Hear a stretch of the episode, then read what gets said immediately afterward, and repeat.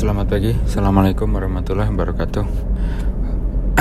Uh, Tadi pagi saya menulis pesan pendek gitu ya, artikel pendek Yang intinya membandingkan antara plan S atau rencana S dengan Amerika.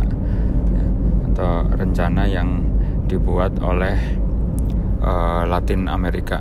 Jadi uh, untuk singkatnya plan S itu adalah satu rencana yang mempunyai time frame yang dibuat oleh uh, suatu koalisi yang namanya Coalition S gitu ya di area Uni Eropa untuk membuat agar sebanyak mungkin pengetahuan itu bisa disebarkan dengan mekanisme open access atau akses terbuka. Nah, uh, kemudian beberapa bulan setelahnya muncul inisiatif berikutnya yaitu Amerika.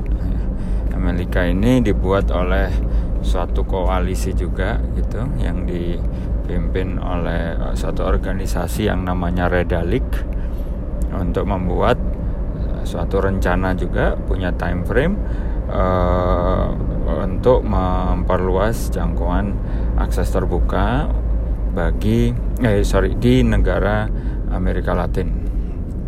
Nah, kalau dibandingkan itu ada websitenya, nanti akan uh, saya tampilkan ya di deskripsi menyusul.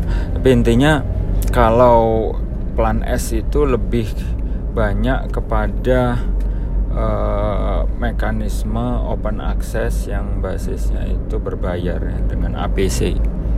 Jadi fokusnya mereka di situ. Kalau kalau untuk menjadi open access itu perlu biaya, maka biaya itu harus dikeluarkan, kurang lebih begitu dan biaya itu tidak boleh berasal dari penulis atau peneliti.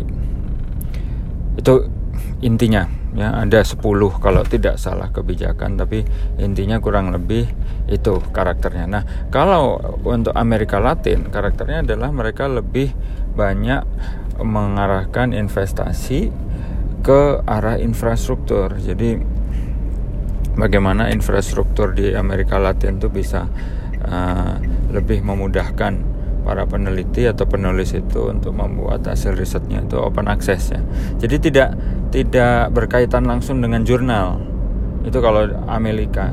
Sementara kalau Plan S itu lebih banyak berkaitan langsung dengan jurnal sebagai uh, media yang mendominasi urusan publikasi. Nah, kalau Amerika itu lebih uh, lebih luas ya disebut media publikasinya. Nah, uh, oke okay, sampai situ dulu ya. Nah di salah satu uh, postingnya uh, uh, Ariana itu pemimpin pemimpin Redalik ya yang menjadi inisiator dari Amerika ini bilang bahwa uh, Redalik itu adalah suatu pengindeks yang mengindeks karya-karya dari penulis Amerika Latin dalam bahasa baik bahasa Inggris maupun bahasa Latin Amerika.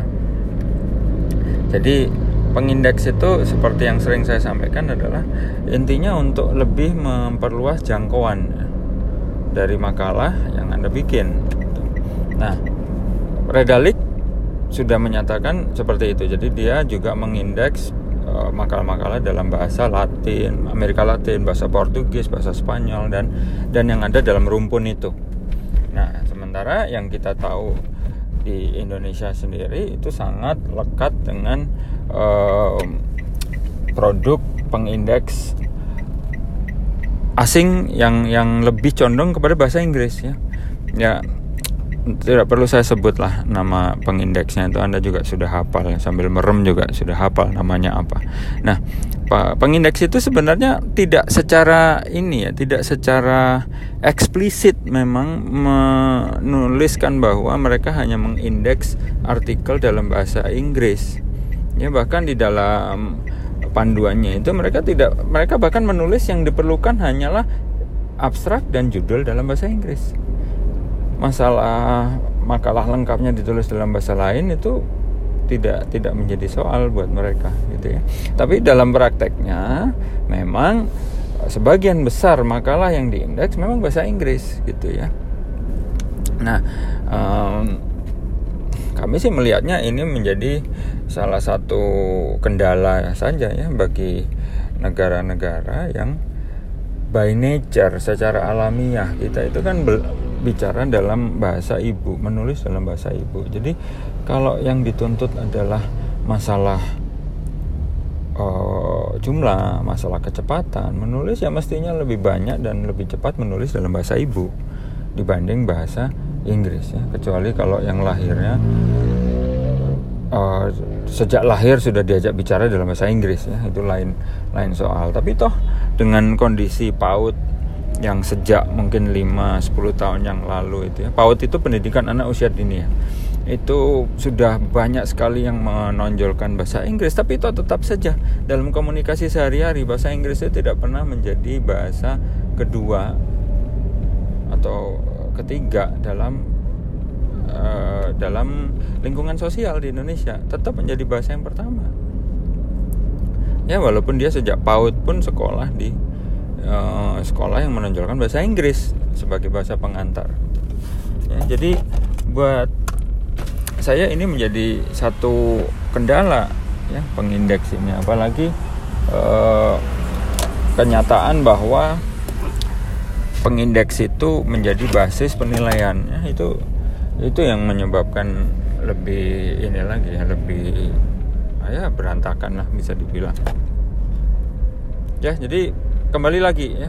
Pada saat kita bandingkan plan S dengan Amerika menurut kami Amerika itu lebih lebih rasional gitu ya, lebih rasional di mana yang disebut akses terbuka ini atau lebih luas lagi kita bisa bilang sebagai apa namanya uh, demokratisasi pengetahuannya itu bisa lebih digalang berbasiskan komunitas dan infrastruktur yang di yang di apa yang diadakan oleh negara jadi kurang lebih seperti itu yang saya coba sampaikan dalam uh, posting pendek ya tadi pagi gitu. Nah uh, ini juga himbauan bagi kita semua ya terlepas dari pangkatnya apa. Memang terutama saya mengharapkan dukungan dari uh, bapak, ibu dan bapak yang sudah guru besar ya karena mau bagaimanapun suara ibu dan bapak itu akan lebih didengar dibanding yang belum guru besar. Gitu intinya uh, di dunia ini sudah banyak sekali pertimbangan, sudah banyak sekali alasan, argumentasi yang bilang bahwa sistem uh, akademik yang sekarang ini penilaian hasil riset, penilaian publikasi dan seterusnya, pemilihan di mana Anda mempublikasikan dengan bahasa apa itu sudah sangat sudah sangat inklusif ya. Inklusif. Kalau dulu kita bilang apa apa Inggris apa apa Inggris sudah tidak. Ya. Dalam komunikasi sehari-hari itu uh, memang masih dalam bahasa Inggris. Tapi uh, untuk menyedot perhatian atau men, me, menyedot apa engagement ya dari orang-orang yang bukan orang Indonesia. Itu sudah tidak melulu harus dengan artikel yang secara lengkap ditulis dalam bahasa Inggris. Sudah tidak itu karena pandangan orang itu sudah sudah apa ya ya ya sudah biasa saja begitu bahwa uh, peneliti itu adalah peneliti bedanya hanya saya menulis dalam bahasa Inggris dan anda menulis dalam bahasa anda. Udah itu aja. Subjek penelitiannya itu ya sama tetap nyata bisa dilihat bisa dipegang dan seterusnya. Ya kan? hanya bahasa saja. Nah kendala bahasa itu bisa dipecahkan dengan banyak cara. Ya yang jelas bukan dengan meletakkan label bahwa e, makalah dalam bahasa Inggris itu skornya lebih tinggi dibanding makalah dalam bahasa Indonesia. Nah itu itu yang menurut saya harus dihapus saja. Urusan yang lain tuh bisa mengikuti. Tapi buat buat saya itu menjadi salah satu kendala saja ya. Baik kendala fisik uh, maupun kendala psikologis untuk menulis ya. Yang bisa dibilang juga kendala jasmani dan rohani. Kalau kalau kalau perlu. Ya jadi kurang lebih seperti itu. Marilah kita berpikir sedikit positif lah gitu ya. Dengan kaum kita sendiri mari kita majukan bersama gitu ya. Kemudian jangan sedikit-sedikit menggunakan standar-standar dari luar negeri. Yang di luar negeri sendiri juga sudah dipertanyakan ya. Ada makalah yang saya pernah gambar gitu. gambarnya sudah saya edarkan juga. Jadi intinya makalah itu membahas 10 topik hangat di bidang publikasi ilmiah ya. Ditulis oleh bukan orang Indonesia ya. Ditulis oleh orang asing semua non Indonesia yang dari uh, Eropa Amerika bukan dari Asia. Uh, makalah ini preprintnya draftnya itu pernah dikasih judul 10 mitos ya 10 eh, mitos di dunia publikasi ilmiah tapi kemudian dirubah menjadi 10 topik hangat itu jelas ada linknya nanti saya sertakan juga gambar saya juga ada kalau anda nggak punya waktu membaca makalah lengkapnya demikian selamat beraktivitas ketemu lagi di podcast selanjutnya. Terima kasih sudah mampir.